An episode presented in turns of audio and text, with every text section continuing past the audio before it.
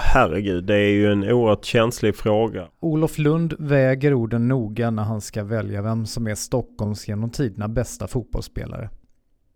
Han är sportjournalist på TV4, Fotbollskanalen och Simor och aktuell med sin andra bok Allsvenskan enligt Lund. I boken och i den här podden berättar han bland annat om AIK, Hammarby och Djurgårdens hemliga möten med IFK Göteborg och Malmö FF och storklubbarnas kamp för att kapa åt sig mer av TV-pengarna framför mindre klubbar som Brommapojkarna och Frej. En fråga som klubbarna helst inte pratar högt om. Det är ju alltid så att finns det något att slåss om, vilket det finns, eh, då blir det bråk och då blir det känsligt. Vi pratar också om kapitlet i boken där förre Djurgårds och BP-spelaren Babis Stefanidis berättar hur han spelade bort både karriär och familj. Han vill berätta för att han, han ser en fara i det här att liksom det här spelberoendet och att unga spelar. Och nya detaljer om AIKs rekordförsäljning av Alexander Isak. Så om alla parametrar skulle kicka in så skulle AIK kunna tjäna upp mot 140 miljoner totalt sett. Boken var eftertraktad redan innan den publicerades. Bland annat hörde Svenska Fotbollförbundets jurist av sig för att få ut boken i förväg. Alla är inte nöjda med att, att saker och ting kommer ut i ljuset. Olof Lund är van vid att alla reaktioner inte är positiva. När han gav ut sin förra bok, 2016, fick han ta emot hot från en mäktig person. Ja, en person i, i, boken var missnöjd eh, med eh, att jag skrev om någonting och skickade sin eh, någon anställd att framföra att jag skulle bli av med mitt jobb till hösten. Den här intervjun spelades in den 3 april av mig, Johan Kristensen. Jag är reporter på lokaltidningen Mitt i Stockholms sportredaktion. Och precis som Olof Lund skulle ha gjort så börjar vi den här podden med en faktaruta. Ålder? Jag är 51. Bor? Stockholm. Eh, och vi är ju en lokaltidning. Kan du precisera ja, stadsdel eller kommun eller sådär? Gamla stan. Familj? Två eh, tonårsbarn. Utbildning? Ja, eh, jag har läst eh, jag tror 250 högskolepoäng och till slut lyckades jag ta en fil. kand i journalistik. Lön? Jag tjänar 90 000 i månaden. Bil? Nej, cyklar. Hobby? Nej, det har jag faktiskt inte. Konstigt nog. Det borde man nog ha men eh, jag har... Eh, de har fallit ifrån. Språk? Jag pratar engelska och svenska och eh, jag kan lite franska. Men det går har gått för långt sen jag pratade franska så den har nog fallit i glömska. Tyvärr, det är en brist. Vem är Stockholms bästa fotbollsspelare genom tiderna?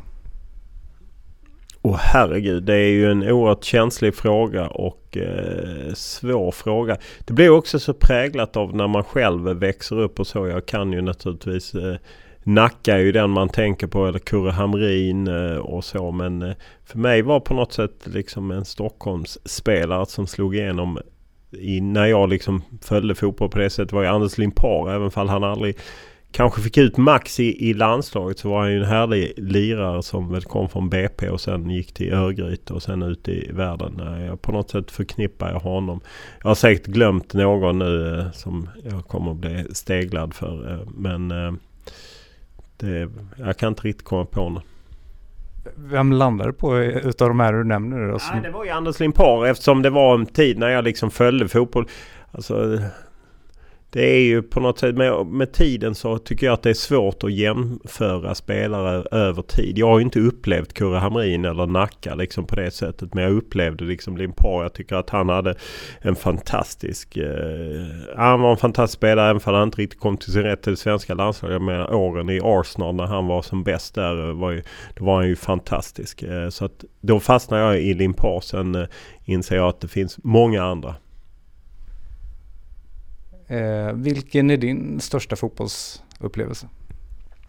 Det var eh, när jag var i Palo Alto 1994 och såg Sverige slå ut Rumänien efter straffar i VM. Jag följde faktiskt med hela VM. Jag var in, jobbade inte som journalist, jag inte ens börjat läsa till journalist utan jag var där som supporter. Jag åkte med hela VM-resan. Eh, det var helt fantastiskt. Men just den matchen sticker ut. Det är nog inget som kommer slå den. Och vilket är din största fotbollsupplevelse i Stockholm? Har jag någon stor fotbollsupplevelse i Stockholm? Det är ju i så fall landslaget och eh, ja, det är klart att även om det var en träningsmatch. Zlatans eh, fyra mål mot England med den bicykletan som jag hade turen att kunna stå nere vid eftersom vi sände den i TV4 och jag jobbade i studion så jag står där nere vid eh, planen. Den sticker ut och även Holland, Sverige mot, när Sverige vann med 3-2 och tog sig till EM 2012 eh, eh, på Råsunda också. En häftig match. Vilken är din egen största fotbollsmerit? Ah, de är väldigt begränsade. Jag kommer ju från Lund och spelade mest handboll som liten och som ung. Eh, även för jag inte var jätteframträdande där heller. Så att det är nog någon eh, seger i någon korpcup eller något liknande. Det är inte på högre nivå. Jag har spelat någon match i division 6. Eh, hoppat in i något kompisgäng men annars nej, inga större meriter. Har du spelat med TV4s korplag? Eh, nej, det har jag faktiskt inte gjort. Eh, nu, eh, jag spelade lite i början på Expressens. Eh, i Expressen hade ett korplag tidigt. Nej, när var det? Slutet på 90-talet. Nu är jag för gammal för att spela fotboll känner jag.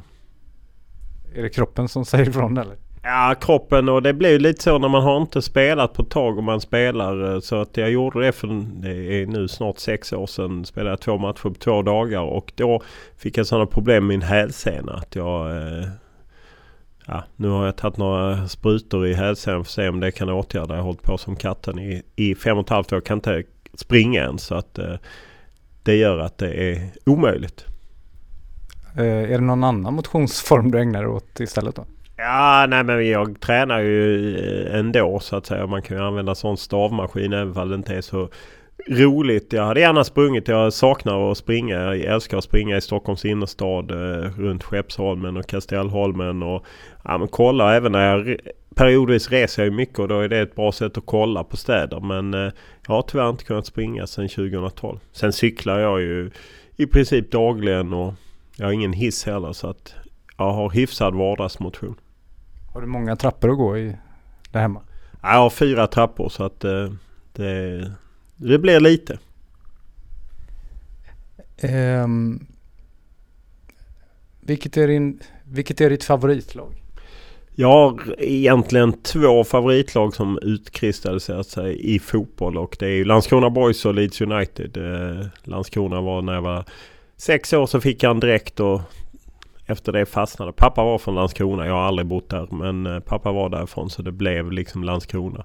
Eh, och Leeds kan jag egentligen inte förklara mer än att jag köpte en halsduk när jag var nio år och var i London med min mamma. Och eh, eh de var ju då ett storlag även om de hade börjat hamna lite på dekis. Detta var i början på 1976. Så att då hade ju de dominerat i engelsk fotboll och, och under ett tiotal år. Så att jag vet inte om försäljaren lurade på mig en sista rest Leeds halsduk eftersom han visste att eh, storhetstiden var över. Eller det var för att de var stora då. Men eh, jag kom hem med en Leeds halsduk och efter det har jag hållit på Leeds. Ja, vi får se vad du säger på den här då. Eh, vilken är den bästa spelaren du har spelat med och eh, mot? Jag har ju varit med några gånger i eh, eh TV-laget. Nu är det länge sedan men eh, då får man ju ändå lyfta fram att, eh, att Thomas Ravelli stod i mål. Eh, han var, hade ju passerat sin prime får man ju ändå säga. Men man får ändå ranka honom som den bästa man spelat med spelat emot. Eh, ja, det får, eh, den, en av de bästa jag spelat emot är, är en eh, gammal landslagsspelare fast i handboll. Eh, Pelle Kjell eh, som var väldigt duktig i handboll. Spelade mycket i Lugi och Ystad men faktiskt gjorde någon säsong här i Stockholm för polisen när de spelade i elitserien. Han var väldigt duktig i fotboll också. Har du något mål som du har gjort som du gärna kollar på YouTube? Ja, det finns ett mål. När jag, det enda mål jag gjort i tv-laget mot Hyllinge GIF. Jag snodde en straff. Niklas Skog blev fälld och skulle nog trodde han skulle ta straffen. Men jag snodde straffen för jag ville verkligen göra mål och drog in den eh, helt okej okay i, i krysset. Så att det ligger faktiskt på Youtube. Mina barn eller min son brukar ibland eh, eh, kolla på det för han tycker det är så kul med spiken som eh, pratar om Olof Lund. Eh, pratar grövre skånska än jag. Så att det är det enda mål som finns. Ja det finns kanske någonting när vi spelade i eh, under EM 2013. Vi mötte TV4 mötte kvällstidningarna i någon match. Malin Svedberg var med. Hon var bra också. Hur var stämningen då när du snodde straffen sådär? Nej, det var ju nog tur att jag gjorde mål. Annars hade det nog blivit dålig stämning. Eh, sen tror jag att Niklas Skog kunde bjuda på det. Han har satt viktigare mål än den straffen. Vad var du bäst på i skolan? Jag vill ju säga att jag var bäst på eh, ja, men historia och samhällskunskap. Men jag var rätt bra på matte också. Eh, och jag hade nog inte, jag tror inte jag fick femma i samhällskunskap. Det svider än. I nian då. Eh, i, sen hette det nog något annat när man gick i gymnasiet. Vilket var det av de här två du nämnde nu då som det var bäst? Nej men jag, det, det var ju samhällskunskap och historia. Det, ja, bäst, ja. Ja. Jag kommer inte riktigt ihåg. Men eh, jag tror att det är de två ihop. De gränsar ju lite till varandra. Vilket ljud gillar du?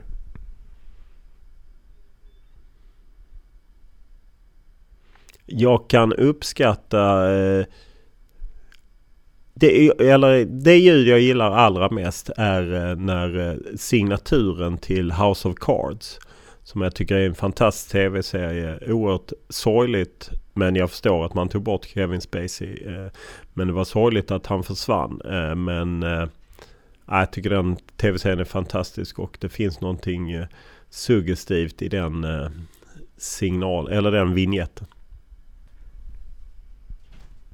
Vad gör dig rädd? Det kan vara om man tänker för mycket på vad som kan hända med ens eh, anhöriga och då framförallt mina barn. När var du lycklig senast? Jag var lycklig i onsdags när jag hade en eh, liten release för min bok och mycket dels lite vänner och familj men även kollegor och lite branschfolk och så. Det, då var jag lycklig att, man, att jag har tagit det här projekt, bokprojektet i land. Vilken var din tuffaste kris? Det var när jag fick eh, bli omplacerad på Expressen och som sen sedermera le, ledde till att jag lämnade Expressen efter att jag själv hade gjort fel. Du får 10 miljoner i handen, vad gör du? Då köper jag ett eh, sommarställe på Österlen. Vad kommer det stå på din gravsten? Jag tror att eh, mina barn följer traditionen som vi har, åtminstone på min, eh, mina föräldrars sida. Att vi har faktiskt tagit deras eh, namnunderskrifter från körkortet. Eh, så det blir rätt personligt och rätt bra istället för att man skriver bara namnet liksom på i något typsnitt så är det deras signaturer. Det kan jag tänka mig stå på min gravsten. Ja, du var inne på det lite själv där men eh, ja, du lämnade Expressen och sådär. Kan du berätta om den händelsen? Ja, det kan jag göra. Eh, Nej men jag gjorde ju fel. Jag gjorde ju ett extra knäck åt en fotbollsagent som jag inte borde ha gjort. Och eh, där jag sedermera informerade tidningen eh, om det och man valde att eh, Ja men liksom att säga att ja, men du kan inte skriva om fotboll här eh, och, eh, och tyckte att jag skulle ta en timeout och det gjorde jag också där jag funderade under sex, eh, fem, sex månader eller fem månader var det nog eh, vad jag skulle göra och när jag väl kom tillbaka då ringde TV4 och frågade mig om jag ville komma hit och starta en fotbollssajt åt dem. Och eh, efter mycket om och men så valde jag att göra det. Jag var lite osäker på om jag kunde vara kvar i branschen eller inte som fotbollsjournalist. Men eh, jag pratade faktiskt med en hel del folk och där folk, alltså mediachefer och så, och de tyckte väldigt olika. Eh, Så att jag bestämde mig för att om TV4 tyckte det var okej okay, så eh, får liksom tittare och läsare bestämma. Och eh, det är, ja. Så att eh, jag menar det är klart att det, det är inget jag har himlat om det här. Eh, det är en fråga jag får i alla intervjuer. Det står på internet så vill man läsa mer om det så finns det där. Men eh, det här då att eh, ja, eh, funkade inte på Expressen som Bonnier äger och sen eller liksom tyckte TV4 att det var okej. Okay. Vad tänker du om det? Att det jag är ändå inom samma sfär, om man ska säga. Ja, fast 2006 var det ju andra ägarförhållande utan att jag kan säga hundraprocentigt. Men det var ju så att då hade inte Bonniers köpt hela TV4. Så att det var lite andra ägarförhållande 20, eller 2006 när jag gick till eh, TV4. Eh, ja, det är ju liksom inte, det är inte en fråga för mig och eh, olika personer, olika tidningar tidningar, medier gör på olika vis. Eh, jag vet att Expressen flera gånger därefter har försökt värva tillbaka mig. Det visar väl ändå om att, att de har haft någon tanke om att eh, de gärna tycker att jag skulle kunna komma tillbaka och göra ett jobb hos dem. Sen är det ju inget så att jag... Jag har inga hard feelings mot Expressen. Det var jag som gjorde fel och jag tog, jag tog också ansvaret för att jag gjorde fel. Det fick konsekvenser. Jag gjorde fel. Jag tog de konsekvenserna och sen har jag jobbat vidare och jag naturligtvis... Jag menar vi sitter ju här... Eh, vad är det? 12 år senare efter jag lämnade. 14-15 år efter jag gjorde extra knäcket och vi pratar om det än. Och jag står fortfarande för att jag gjorde fel. Och sen får jag göra så gott jag kan efter det. Vad, du sa att du resonerade massa olika saker du kunde göra. Eh, vad fanns det för andra idéer du hade än att ja, gå till TV4? Jag hade, dels var jag faktiskt inne på ett program på Handelshögskolan där man läste in en eh, Master of Business in Administration på ett år. Eh, och jag hade gjort liksom tester och så och var inne på det. Och sen hade jag ett erbjudande om att gå till en PR-byrå och eh, ja, börja jobba med PR helt enkelt. Det var väl de två jag funderade på.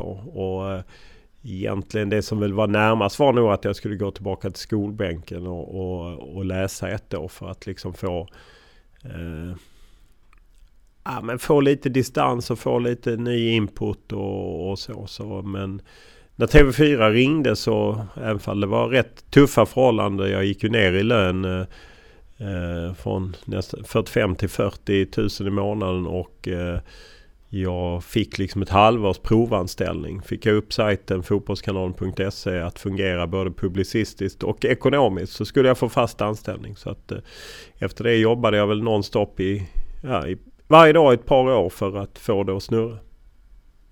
Hur många timmar eh, jobbar du en vecka då ungefär? Ja, alldeles för många och eh, ingenting som eh, någon facklig organisation hade viftat igenom. Eh, men det är ju så om man liksom kan jämföra det med en lite entreprenörsdriven verksamhet. Eh, det var det ju ändå ett slags entreprenörsdriven verksamhet även fall TV4 äger 100% så var det ju liksom ett litet case. Vi var ett litet gäng som jobbade med det och då, då krävdes det helt enkelt. Vad tänker du om hur Fotbollskanalen är idag nu då när den ja, har funnits ett tag? Ja, nej den har ju funnits sedan eh, 2006 började jag jobba på den och vi lanserade den i ny form. Det ju, jag, var ju jag som skissade upp den sajt som lanserades då i mars 2007 och, och därefter eh, så är det nu 11 år senare. Jag är oerhört stolt över, över den. Jag har ju ingenting med driften eller någonting att göra med sedan 2013 då tog Tobias Rosvall över. Och jag har verkligen inte varit ensam. Eh, det är många andra som har jobbat med det. Men jag, har ju, jag är ju ensam om att varit med hela vägen så att säga. Och eh, jag är väldigt stolt över att eh, den har blivit vad den har blivit och att den eh, ändå står för journalistik och fotboll och och så. Så att eh, nej, det är väldigt roligt. Du berättade i en intervju eh, nyligen eh, för Expressen att eh, ja, du ser dig som arbetsnarkoman. Kan du berätta vad det har, hur det har påverkat ditt liv? Ja, eh, det var väl en fråga jag fick eh, och, och, det blev ju mycket fokus på att jag jobbar mycket eftersom ja.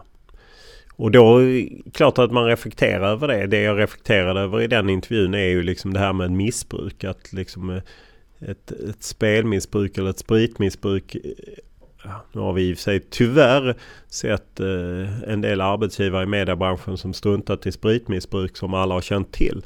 Men eh, vanligtvis är ju liksom ett arbets eller ett missbruk att man jobbar för mycket är ju ingenting som en arbetsgivare gör någonting åt.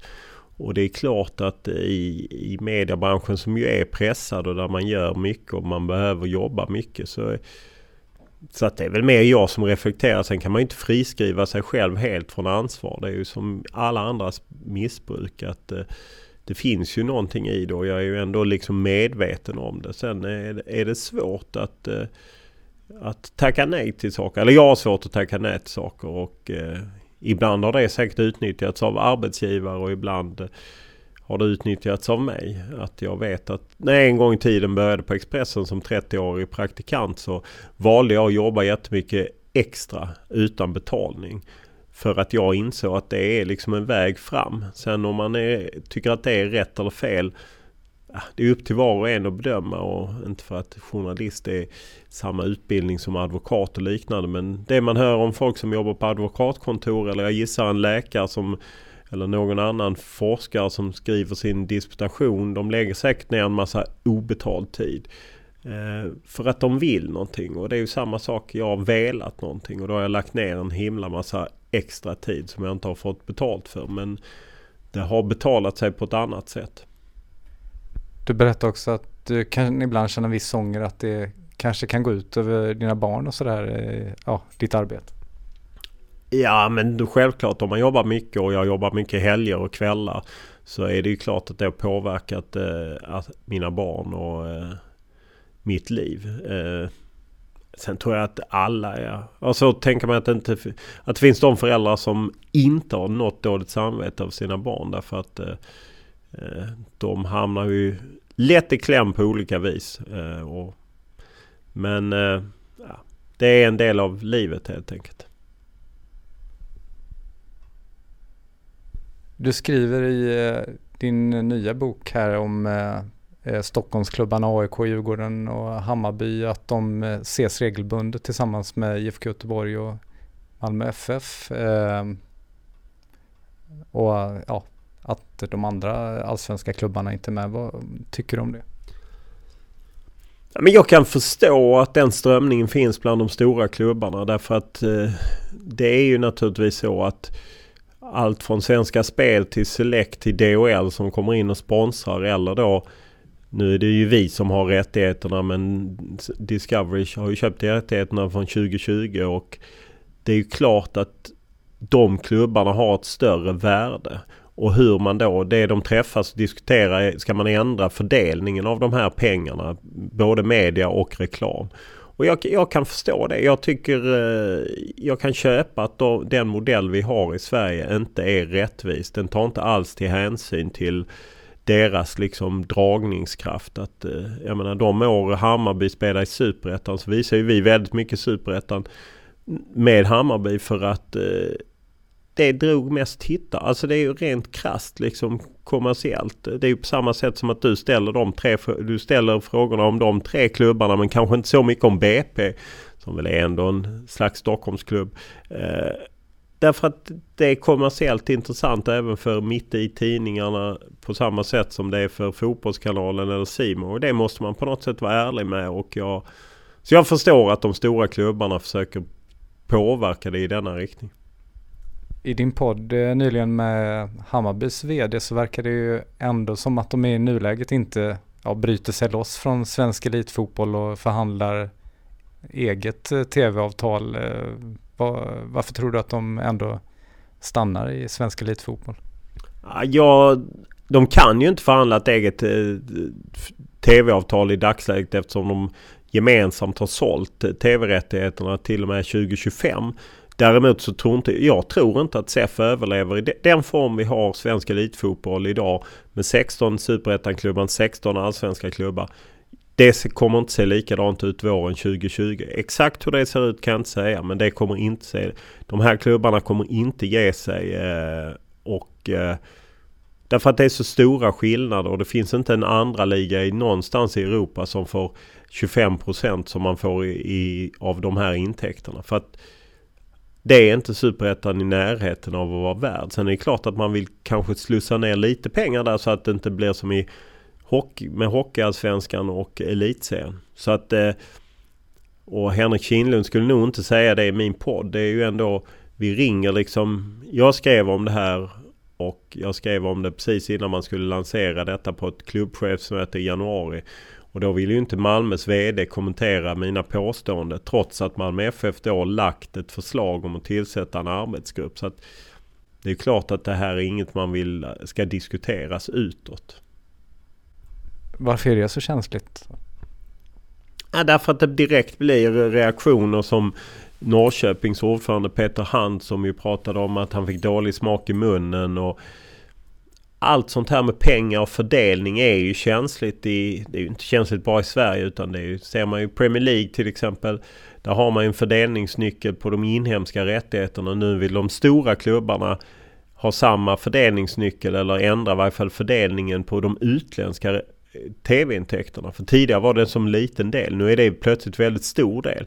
Och då inser ju Manchester United och Liverpool att det är ju de snarare än Stoke och West Bromwich som gör att tittare i Kina och Sverige och liknande betalar. Men det blir ju bråk där också. Så att det är ju alltid så att finns det något att slåss om, vilket det finns. Eh, då blir det bråk och då blir det känsligt. Och sen är ju svensk fotboll är ju egentligen andemeningen i både min första och min andra bok att det är stängt i svensk fotboll. Man vill inte ta det här, de här debatterna utanför eh, sina liksom de sammanslutningar man har. Man vill inte ha det. Vi var inne på eh, det här med vilken makt eh, de tre stora Stockholmsklubbarna eh, har i eh, allsvenskan. Du eh, menar på att de har inte så mycket makt i själva verket.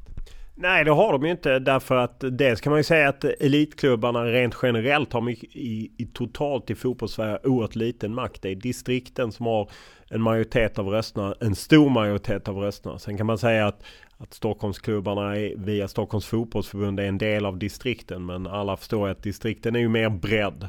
Och sen så är det klart att de har viss, eh, visst inflytande i svensk elitfotboll men de kan ju till exempel inte ändra fördelningen eh, för att det är ändå så att Frej har en röst, AIK har en röst. Alltså, det blir i liksom stora beslut så blir det ju att Superettan och Allsvenskan ska rösta tillsammans. Eh, och eh, alltså i svensk elitfotboll och då eh, väger inte AIKs röst med. Så att egentligen, egentligen har de rätt lite makt.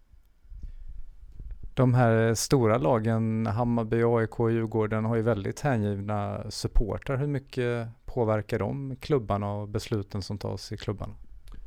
Ja, men jag tror att de påverkar, jag tror att, och det kan man väl säga är en, en positiv utveckling, att man mer tar del åtminstone. Vad, vad har vi för relation med våra supportrar? Vad tycker våra supportrar och, och, liknande? Sen så får man ju skilja på supportrar och medlemmar. Att det är ju liksom medlemmar i föreningar som på något sätt ska liksom ta en del i, i verksamheten och rösta och påverka och så.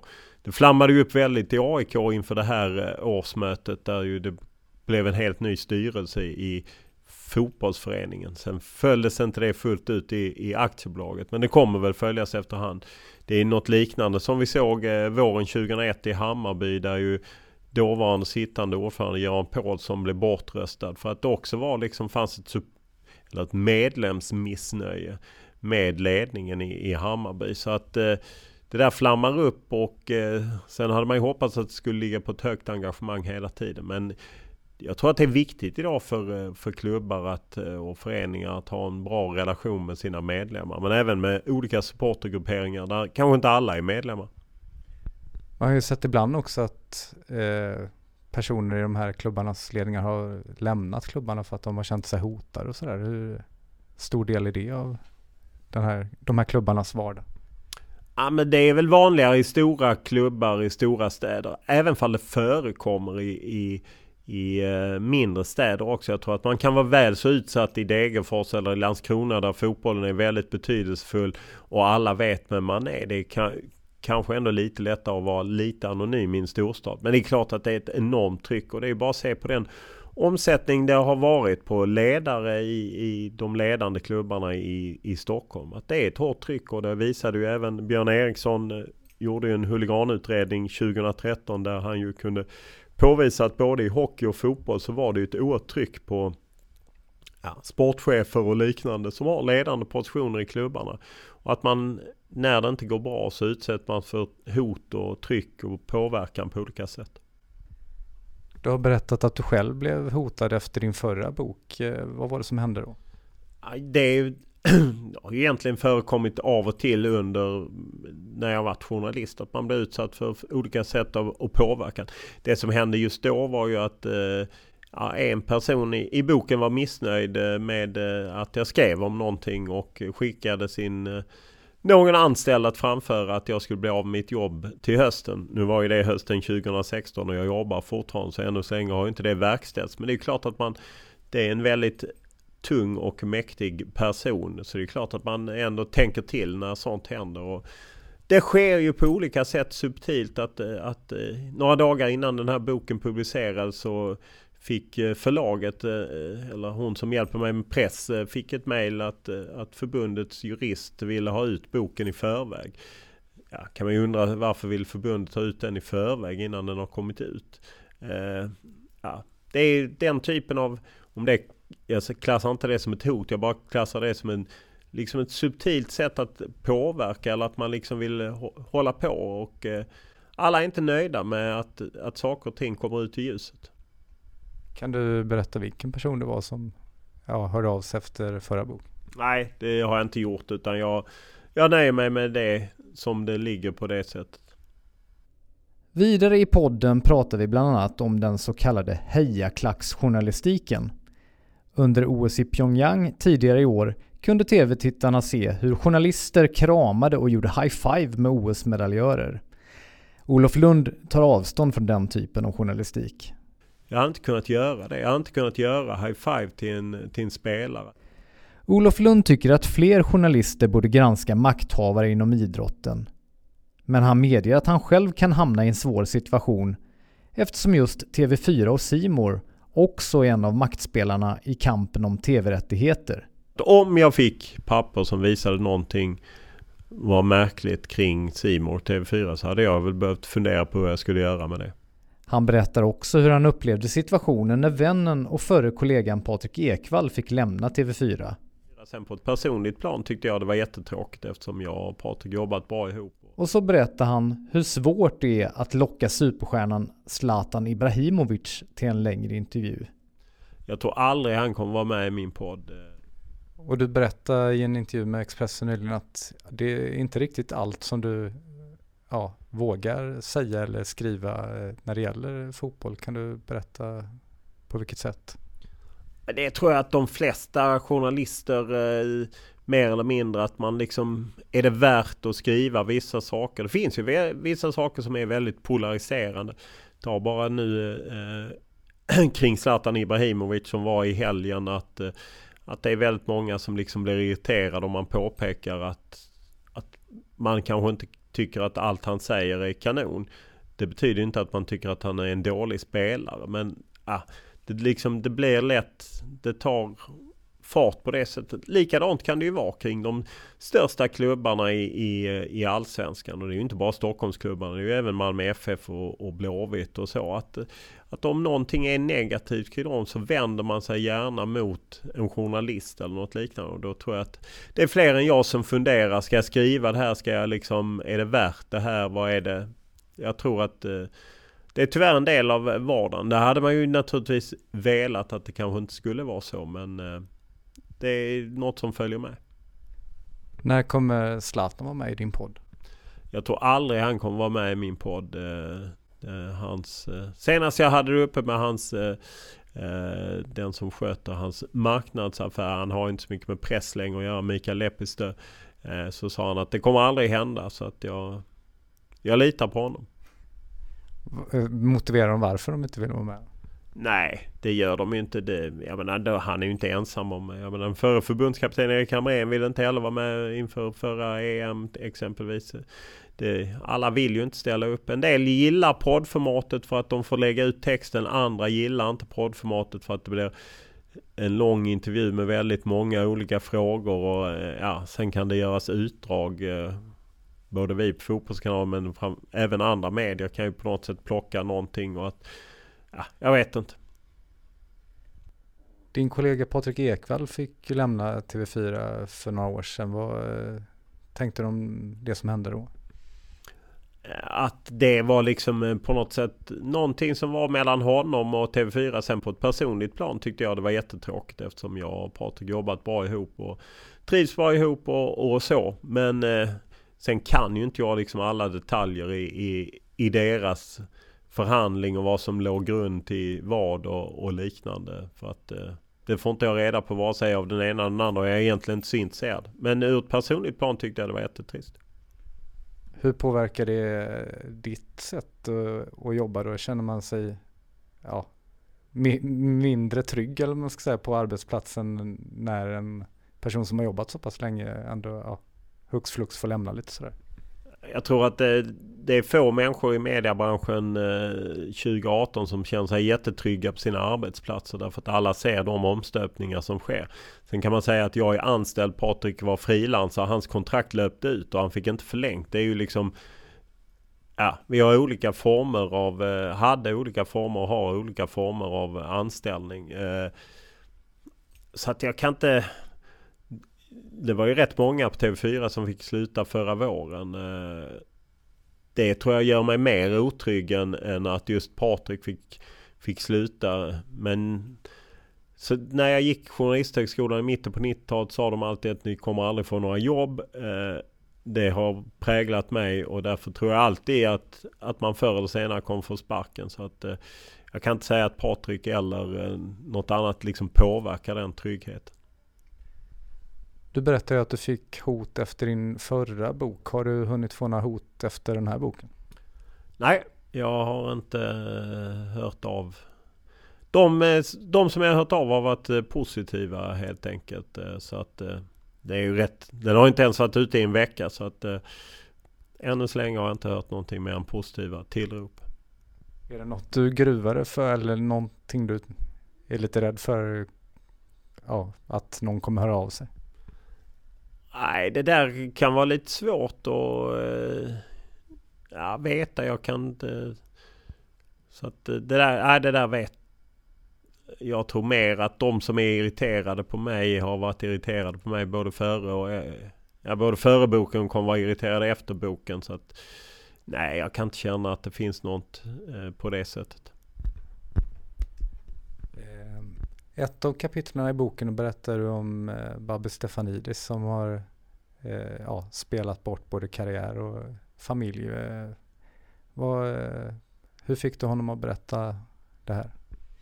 jag frågade honom helt enkelt och eh, han var villig att berätta om det. Jag tror inte så många har känt till det. Jag har vetat om det ett tag och frågade honom om han kunde tänka sig berätta eh, om det. Och han är ju mycket noga med att han inte vill att folk ska tycka synd om honom. Men att han vill berätta för att han, han ser en fara i det här att liksom det här spelberoendet och att unga spelare. Och, och det är ju en bild som andra också bekräftar som jag pratar med att det här är ett växande problem i, i, i svensk fotboll. Och särskilt i en tid när vi pratar om matchfixning och så så är det ju klart att, eh, att man om man står i skuld till någon så blir man ju ett lättare offer för påtryckning. Nu ska vi säga att Babbe Stefanidis har aldrig varit utsatt för det. Och han spelade ju inte så mycket på, eller spelade ju inte alls på matcher utan han spelade ju mer på andra grejer. Men eh, nej, det är ju ett skakande öde och eh, ja, kraften i, i det missbruket det går inte att underskatta att om man fastnar för det och, och, och liksom inte kan sluta. För att det, det finns ju överallt med reklam och i telefoner och allting. Det är så otroligt nära en att man kan spela om man vill.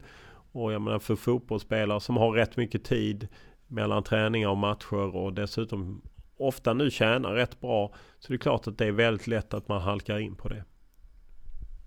Det finns ju många andra ja, tragiska livsöden som påverkar spelare vid sidan om fotbollen. Eh, vad eh, avgör eh, om du eh, kan berätta om det eller inte. Ja men i, i fallet med Barbie Stefanidis så bygger det ju på att han vill berätta själv. Och eh, det vill han. Eh, men det är klart att man inte kan berätta någonting som någon annan inte vill, vill berätta. Att man, det bygger på att någon vill berätta. Eh, sen har jag ju rätt mycket anonyma röster i min bok. Men det hänger ju ihop med liksom det, den tystnadskultur som råder i svensk fotboll. Att man inte liksom vågar av olika anledningar berätta. Eh, men, eh, nej, men man måste ju ha med någon på, på, på att de vill berätta. För att det, det, kan jag ju förstå att det kan vara jobbigt att berätta i en bok och sen kan det slås upp i tidningar. Alltså, vilket ju är en naturlig följd eh, av, av det liksom. Eh, det är ett öde som berör. Så att eh, det måste ju den personen vara beredd på. Hur tänker du om du ska våga hålla på grejen ett halvår till den kommer ut i en bok eller publicerar det med en gång på Fotbollskanalen eller hur resonerar du kring det där och att inte någon annan tar din grej före dig? Nej men i, i de fallen så kan man ju säga att det, det till exempel eh, Babi Stefanidis så visste jag ju att ingen annan hade pratat med honom och eh, ja, jag litade på känslan att det skulle hålla eftersom detta var ju inget nytt. Det är ju inget som har inträffat nytt utan det har varit så ett tag. Och eh, i fallet med Afonso Alves så visste jag ju att ingen annan satt ju på alla de kontrakten som jag satt när man Som visar hur Malmö FF betalade pengar till Brasilien svart. Eh, när man värvade honom. Men det är klart att det, det, kan man ju aldrig liksom. Det finns ju ingen garanti. och eh, det är ju en avvägning. Samtidigt man kan ju inte... Ska man skriva en bok av den här typen eh, som ju är mycket mer än bara de här avslöjandena. Eh, så behöver man ju ha någonting som... Man behöver berätta någonting nytt helt enkelt. Eh, och jag tycker att jag har tillräckligt med nyheter eller liksom bidrar med olika saker till Fotbollskanalen ändå så att säga. Och eh, dessutom så fick ju Fotbollskanalen några av grejerna liksom. Så att är, man måste ha någonting i boken. Fanns det något smaskigt kapitel som du fick stryka i boken? Nej, men jag kanske gjorde om eh, lite andra... Eh, jag hade bland annat ett spelarkontrakt som jag ju mest skildrar lite där. Jag har i och för sig pratat med eh, agenten som skrev ett tioårigt spelarkontrakt som man ju inte får skriva. Med en, ja, en allsvensk toppspelare och faktiskt u landslagsman men där har jag inte fått tag på spelaren och då kände jag att då kan jag inte liksom... Eh, jag har ju nått fram till spelaren men spelaren vill uppenbarligen inte prata om det här. Eh, och då är det svårt för mig att liksom namnge och, och liknande. Då, då får man ju tona ner det helt enkelt. Har du något nytt bokprojekt på gång redan nu? Det är ju det bisarra att man får det när man precis har skrivit en bok och du är inte ensam om att ställa den frågan. Nej, det kan jag inte säga. Utan nu har jag min tanke att eh, dels så har jag gjort detta liksom rätt mycket vid sidan av mitt vanliga arbete. Och eh, nu så vill man ju komma ut med den här boken. Det, jag kan ju inte tänka på nästa bok. Utan jag ska ut och prata lite om boken. Jag ska ut och signera lite. Det är liksom... En bok har ju en längre livslängd än en, en tidningsartikel eller något sånt. Så att eh, jag tror inte att jag kommer börja tänka på en ny bok eh, på ett bra tag. Sen får man ju också se hur det går. Jag menar, går inte det, säljer inte den förra boken sålde rätt bra. Det gjorde ju att förlaget var intresserat av en bok till. Säljer inte denna boken, alltså så är det. Det är ju det är krasst på det sättet. Tittar inte folk på TV så lägger man ner programmet. Köper inte folk en tidning eller tar en gratistidning så lägger man ner det eller liksom drar ner. Samma med en bok. Jag menar, är det ingen som vill läsa boken så kommer ingen vara intresserad av en tredje bok. En bok är ju en fin fjäder i hatten tror jag de flesta i mediebranschen tycker. Men det är ju väldigt få som alltså, tjänar bra pengar på böcker. Hur har det varit för dig? Du sa att den har sålt ganska bra ändå, den första boken. Ja, men alltså sålt utifrån mitt perspektiv. Alltså jag är ju liksom en spigg i, i, i, eh, i bokbranschen eller i, i bokdammen. Eh, så att Ja, den har ju sålt nästan 10 000 ex den förra, första boken plus att då man räknar in att den har lyssnats 4000 gånger och 500 e-böcker. Så där är ju upplagan på 14 och 5 och sen har den ju sålt lite över 5000 pocket. Vilket nog är mindre än vad man hade hoppats på. Eh, men det andra är ju då bättre. Nej, det är ju inga det är ju inga jättepengar liksom. Eh, dessutom är det ju rätt lång eftersläpning så jag vet egentligen inte riktigt vad jag... Ja, men säg att jag har tjänat kanske 200 200-250 000 som kommit in i ett bolag eh, eh, på den första boken. Så att det är ju, Alltså de som bara lever på att sälja böcker de måste antingen sälja som väldigt mycket mer. Alltså då måste man väl sälja 50, mellan 50 och 100 000 böcker. Då är det klart att det blir pengar. Och sen så åker man väl ut mycket mer och föreläser och säljer böcker själv kanske och på liknande sätt håller igång verksamheten. Eh, jag hade inte kunnat leva bara på att skriva böcker utan det är mer som en bonus. Och eh, helt ärligt, det är klart att det är kul att det trillar ner pengar. Om det blir 100 000 över eller något sånt när man den har tröskats igenom ett bolag. Men det är ju inte det som är mitt huvudsyfte med att jag skriver boken. Utan att jag skriver böckerna är ju ett annat sätt att, att skriva på. Och skildra någonting som jag inte tycker skildras i. Och som jag inte riktigt har tid eller, eller tid ska jag inte säga. Det får ett annat genomslag att ge ut en bok jämfört med att skriva krönikor varje fredag på Fotbollskanalen. Där är liksom, når jag dem redan fotbollsintresserade. Jag vill nå ut bredare helt enkelt. Är det någon förhoppning du har att kunna framåt eh, någon gång, alltså ägna dig bara åt att skriva böcker? Nej, absolut inte. Eh, det är, det är alldeles för jobbigt att skriva böcker, tycker jag. Alltså det är ju... Det är ett arbete på ett annat sätt. Eh, så att nej, det är, det är inte det, den drömmen eller det syftet eh, jag har. Utan jag tycker det är kul att ha skrivit, gjort, ja, gett ut två böcker nu på två år och eh, se vad det blir av det. Men jag, jag tänker sällan längre än eh, tre månader i stöten. Så att eh, nu tittar jag fram allsvenskan och det är VM och sen får vi se vad som händer. De kanske... Vi kanske har lagt ner eller Facebook har tagit över eller ja men liksom så. Ja men jag men jag tror att vi sk du skrattar men eh, de omvälvningar som är på gång i mediebranschen är...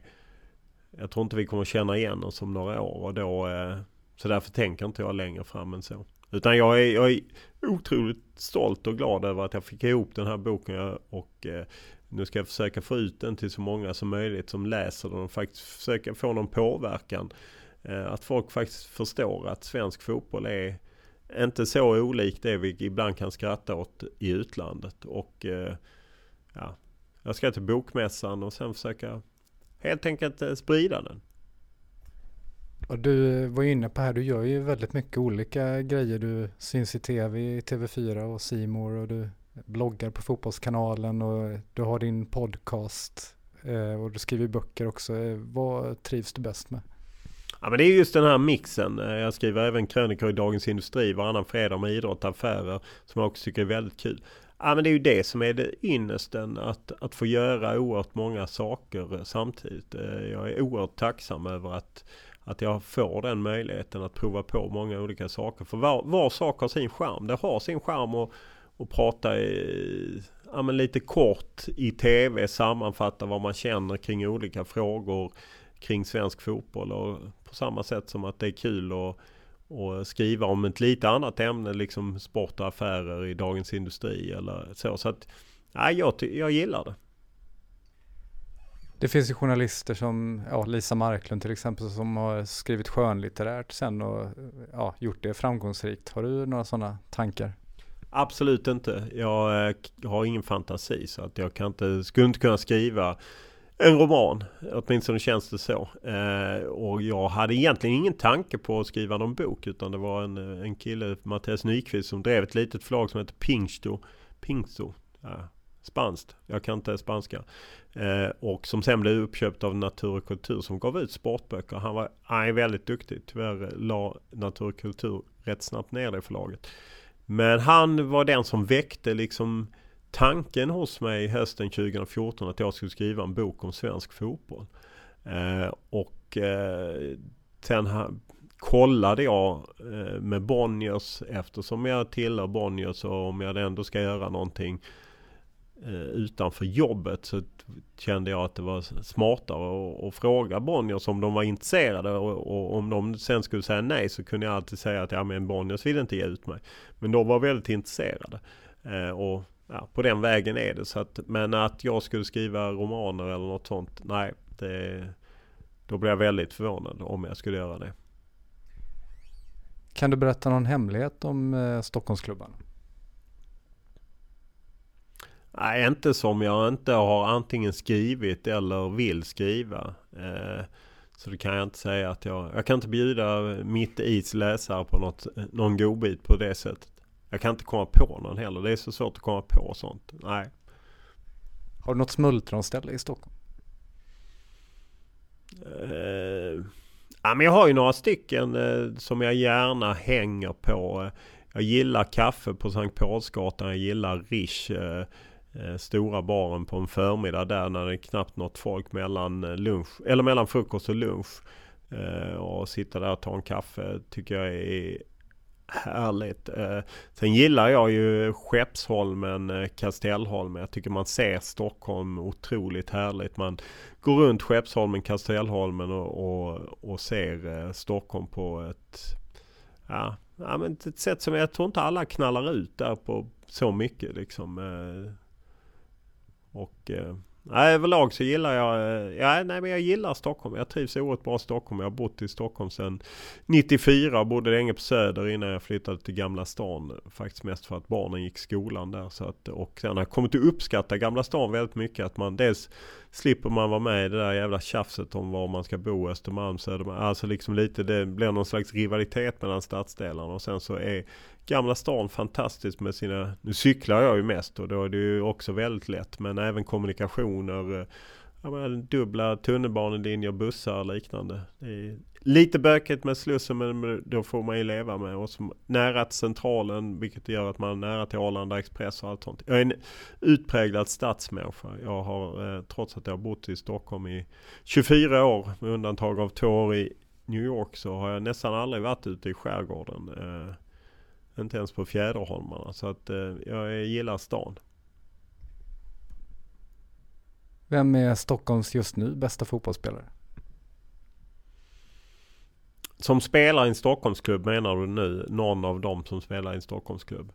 Eh, för rättvisans skull så måste jag ju ta tre stycken så att jag inte får eh, någon, någon häcklande på mig. Ja, men just nu känns det ju som Jilan Hamad är är Hammarbys främste med lite extra nä nämna Viland också som jag tycker är bra. Jag tycker att Henrik Goitom är en fantastisk spelare och även ledare på plan för, eh, för AIK.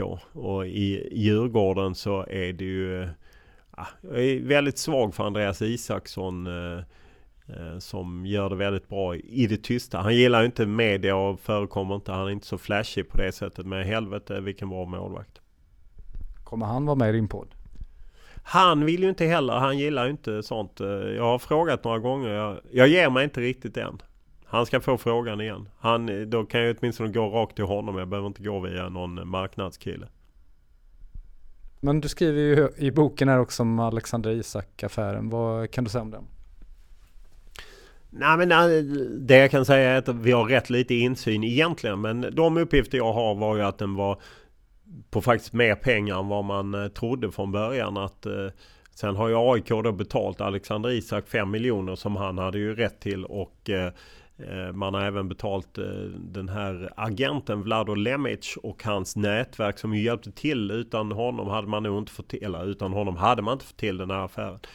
Eh, på något sätt så väckte han ju Borussia Dortmund när allting var klart med Real Madrid. De sålde förvisso en spelare till Kina och fick in pengar och har gjort liksom också en satsning på unga spelare. Men någonting fick eh, Isak eh, och hans entourage att gå på det spåret istället när alla väntade honom till, till Madrid. Och att de betalade så pass mycket pengar och att om alla parametrar, för man ska veta att AIK har parametrar som både gäller Alexander Isaks framgångar men även Borussia Dortmunds framgångar. Så om alla parametrar skulle kicka in så skulle AIK kunna tjäna upp mot 140 miljoner totalt sett. Sen ska man ju av de 140 miljonerna, 5 miljoner har gått till Isak och eh, Vlado Lemic har ju han har fått hittills någonstans mellan 10, runt 15 miljoner hittills. Och kommer få mer. Han har större andelar på det som eventuellt tickar in senare. Men totalt sett skulle affären vara värd 140 miljoner. Många jämför ju då med Zlatan 82,6 miljoner. Då ska man ju komma ihåg att det fanns ju ingen agent då. Eh, Zlatan representerades ju av Malmös klubbdirektör, sportchef Hasse Borg. Vilket gjorde att Malmö behövde inte dela med sig och han fick ju 10% fick, så han fick 8,2 miljoner. Eh, så, eh, och även om man räknar om det i, i eh, det här eh, som många MFF-fans ville eh, räkna om det enligt hur det har förändrats sedan 2001 och 2017 års penningvärde så är Alexander Isak en större affär. Det här då att den här typen av journalistik som du skriver här i boken kontra ja, det som du själv kallar lite grann för hejaklacksjournalistik som var under OS, man gör high five med OS-medaljörer och sånt där. Vad, vad tänker du om de här eh, motpolerna?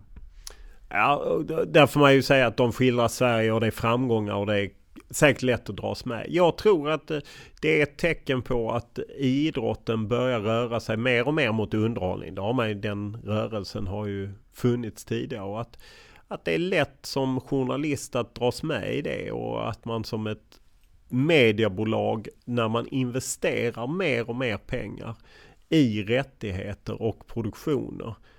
Ja då vill man ju inte sänka sin egen produkt utan man vill ju vara en del av festen så att säga. Jag tror det är en, en utveckling vi kommer se mer och mer. Och eh, jag menar det, det är ju inte bara Discovery. Jag jag, jag, tänkte på det liksom när SVT skickade ut klipp i sociala medier där Johanna Ojala följde Charlotte Kalla och, och satt och hejade och liksom Så att alla vill ju vara en del av den här festen och eh, för mig Jag går inte igång på det som tittare heller. Jag är kanske för gammal för det och sen så eh, Är jag som journalist så nej, det passar inte mig liksom. Det, det, är inget jag skulle kunna jobba med. Jag hade inte liksom... Eh, jag hade inte kunnat göra det. Jag hade inte kunnat göra high five till en, till en spelare. Att jag skulle liksom... Nej, det, det passar inte mig helt enkelt.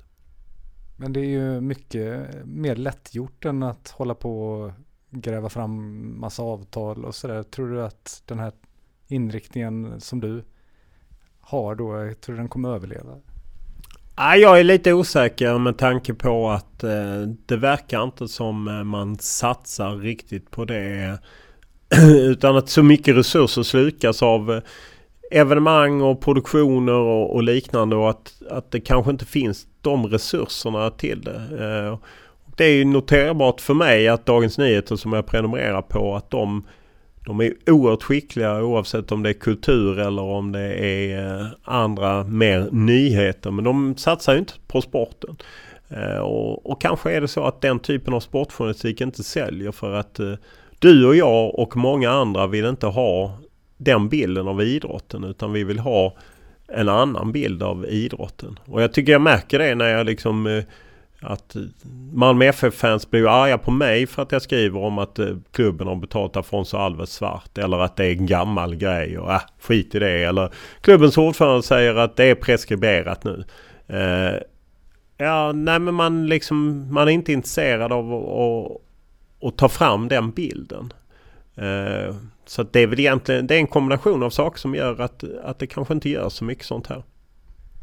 Hur svårt är det som sportjournalist att ja, hålla på med den här typen av granskningar för det kan ju då bli sen att det finns massa spelare och andra inom det, det, det området du bevakar som inte vill prata med dig.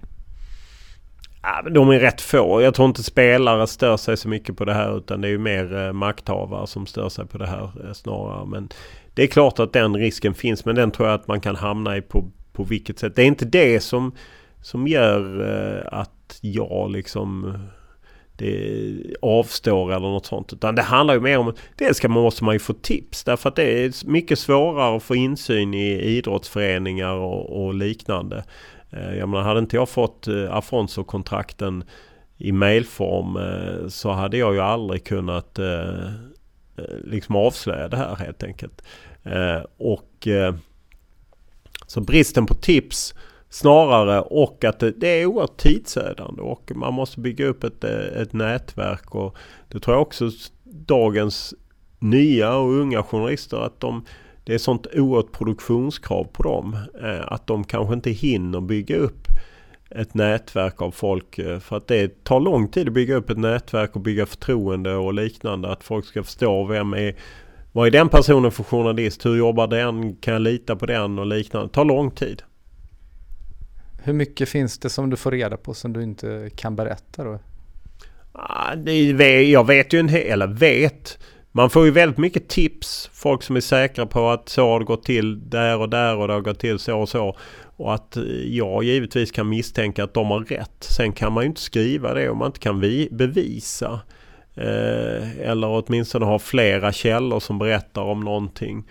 Eh, så att det är klart att det finns massa grejer som är svåra att berätta. Som, eller som inte går att berätta därför att man inte har tillräckligt information. Simor och TV4 är ju också en del i den här kampen om tv-avtal och sådär. Hur, vilka möjligheter har du att berätta om det skulle vara något som var knasigt där? Ja, nej, det skulle jag få eh, några papper eh, som skulle visa sig att det var något knasigt där så skulle jag ju hamna i en jättesvår situation. Absolut. Eh, och jag tycker ju, jag skrev ju om till exempel i Dagens Industri om Simors avtal nya avtal med SHL. Det var ju ingen som hade skrivit om det. Men det är ju mer som jag kände en frustration att ingen skrev om det. Det var ju Nordens största tv-avtal och fortfarande inte passerat för sporträttigheter.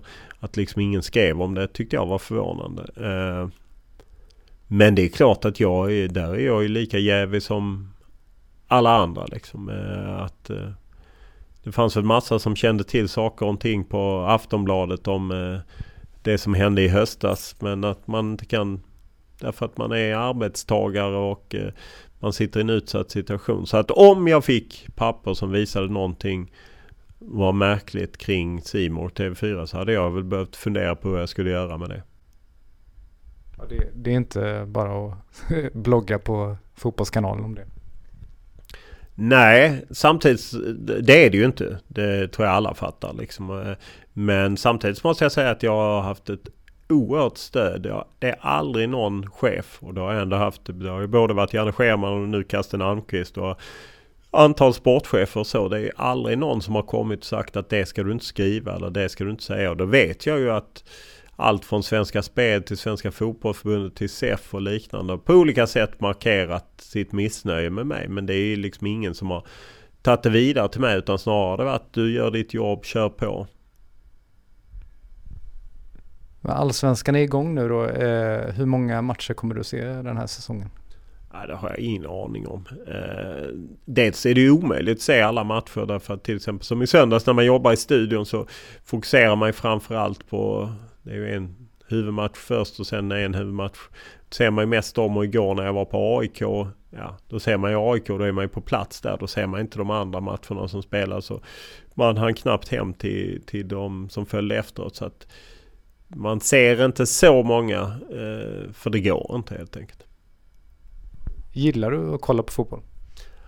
Absolut kan jag gilla att kolla på fotboll men eh, det kan ju variera. Alla matcher är inte roliga. Det måste man ju vara ärlig och säga. Och eh, sen har det väl också att man... Eh, ja, men jag väljer bort en del. Jag, jag tycker till exempel Champions League. Jag tycker inte det är lika intressant som jag för några år sedan eller för fem år sedan så hade jag sett, såg jag mycket mer Champions League än vad jag ser idag. Därför att jag har lite tappat intresset för att det är liksom rätt mycket samma lag. Det är pengarna som styr och eh, man är så långt ifrån eh, Real Madrid. Alltså liksom när jag började det här jobbet så var ändå Real Madrid, även om de var enormt mycket större än svenska klubbar så kunde man ändå åka dit och göra någon intervju eller något liknande. Men idag är det ju liksom som en galax bort och eh, jag tappar lite intresset och sen så återstår att se om, eh, om fler än jag tappar intresset.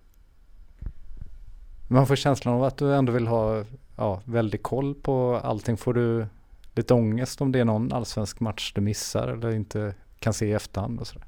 Nej, det kan jag inte säga att jag får. Eh, det går att ta reda på det mesta och eh, eller se i efterhand eller så. Så att nej, det kan jag inte säga att jag har. Men däremot så är det klart att, att om man ska hänga med i det här eh, så är det ju, ett, eh, är det ju mer en livsstil än ett jobb. Och hur är den livsstilen? Nej men det är ju att man måste vara på och följa med och följa med i nyhetsflöde och Det var ju enklare förr när det kom en papperstidning eller ett antal papperstidningar och man läste dem och det var de man skulle förhålla sig till. Nu händer det ju saker hela tiden. Det gör ju att det, det är svårare att slappna av och man har ju allting med sig hela tiden i och med att man har det i telefonen. Kan du berätta någonting som inte så många känner till om dig? Åh oh, herregud. Nej, jag är ju inte... Nej, det, det flesta folk brukar undra är om hur gammal jag är. Eller inte hur gammal jag är. Det flest, många undrar hur lång jag är. Därför att jag ofta framstår som väldigt lång i TV och jag är 1,96. Det verkar inte de flesta veta. Eh, annars finns det inte så mycket spännande. Jag kommer från Lund och uppvuxen i Lund och stannade i Lund väldigt länge tills jag var 28 innan jag flyttade till Stockholm och började som läsa journalistik. Du har berättat några gånger om din cykel här också. Vad är det för cykel du cyklar på? Eh, just nu cyklar jag på en Argentario heter den eh, egentligen. Eh, som jag fick ett tips om. Några här i Stockholm, några cykelentusiaster som sätter ihop ja, men bra delar från olika grejer. och Ja men jag är halvnöjd med den. Eh, sen kör jag ju jag kör året runt och det är ju rätt slitsamt för cyklar. Eh, jag eh, var fascinerad över, länge hade jag min pappas gamla Monark som han hade köpt 1981. Men den, när bromsarna gav sig så ja, renoverade jag inte upp dem utan då bytte jag faktiskt cykel. Eh, och jag har med en sån eh, gaffel fram så man kan ha en väska där. Eh, men eh, Ja, jag, jag gillar att cykla. Jag tycker det är ett fantastiskt sätt att, att, ta sig fram i Stockholm. Och särskilt nu när man har gjort det svårare för bilister och, och därmed även bussar och, och, liknande. Så är det ju, kommer man ju ofta fram snabbare med, med cykel. Sen är det klart att om man tajmar tunnelbanan exakt så har man ju svårt att tävla med tunnelbanan härifrån Gärdet där jag sitter på TV4 bort till Hornstull till exempel. Då är det ju svårt för en cykel att slå en tunnelbana. Men annars så eh, tycker jag att cykel är ett eh, fantastiskt sätt att ta sig fram i Stockholm. Och cykeln du berättade om här, det är en stadscykel då eller? Det är en stadscykel. Ja absolut. Jag är, det är inga sådana träningscyklar. Men den har åtta växlar och, och, och så. Men det är helkapslade eh, grejer så att det ska gå bra att köra på vintern också. Hur många kilometer cyklar du på en vecka skulle du gissa? Nej, jag har faktiskt ingen aning. Och det varierar lite. Men, eh, men jag cyklar rätt mycket. Så att, eller jag, jag har ju ingen bil så att det är cykel som gäller. Ett stort tack till Olof Lund och er som har lyssnat. Vill ni höra mer om allsvensk fotboll kan ni lyssna på poddarna vi nyligen gjorde med Hammarbys lagkapten Kennedy Bakcioglu och Brommapojkarnas lagkapten Gustav Sandberg Magnusson. Går ni in på mitti.se allsvenskan hittar ni även artiklar om allsvenskan. Vill ni komma i kontakt med mig kan ni mejla johan.kristensen.mitti.se. På Facebook, Twitter och Instagram heter jag JOH Kristensen. Och där hittar ni också Mitt i sporten. Vi hörs!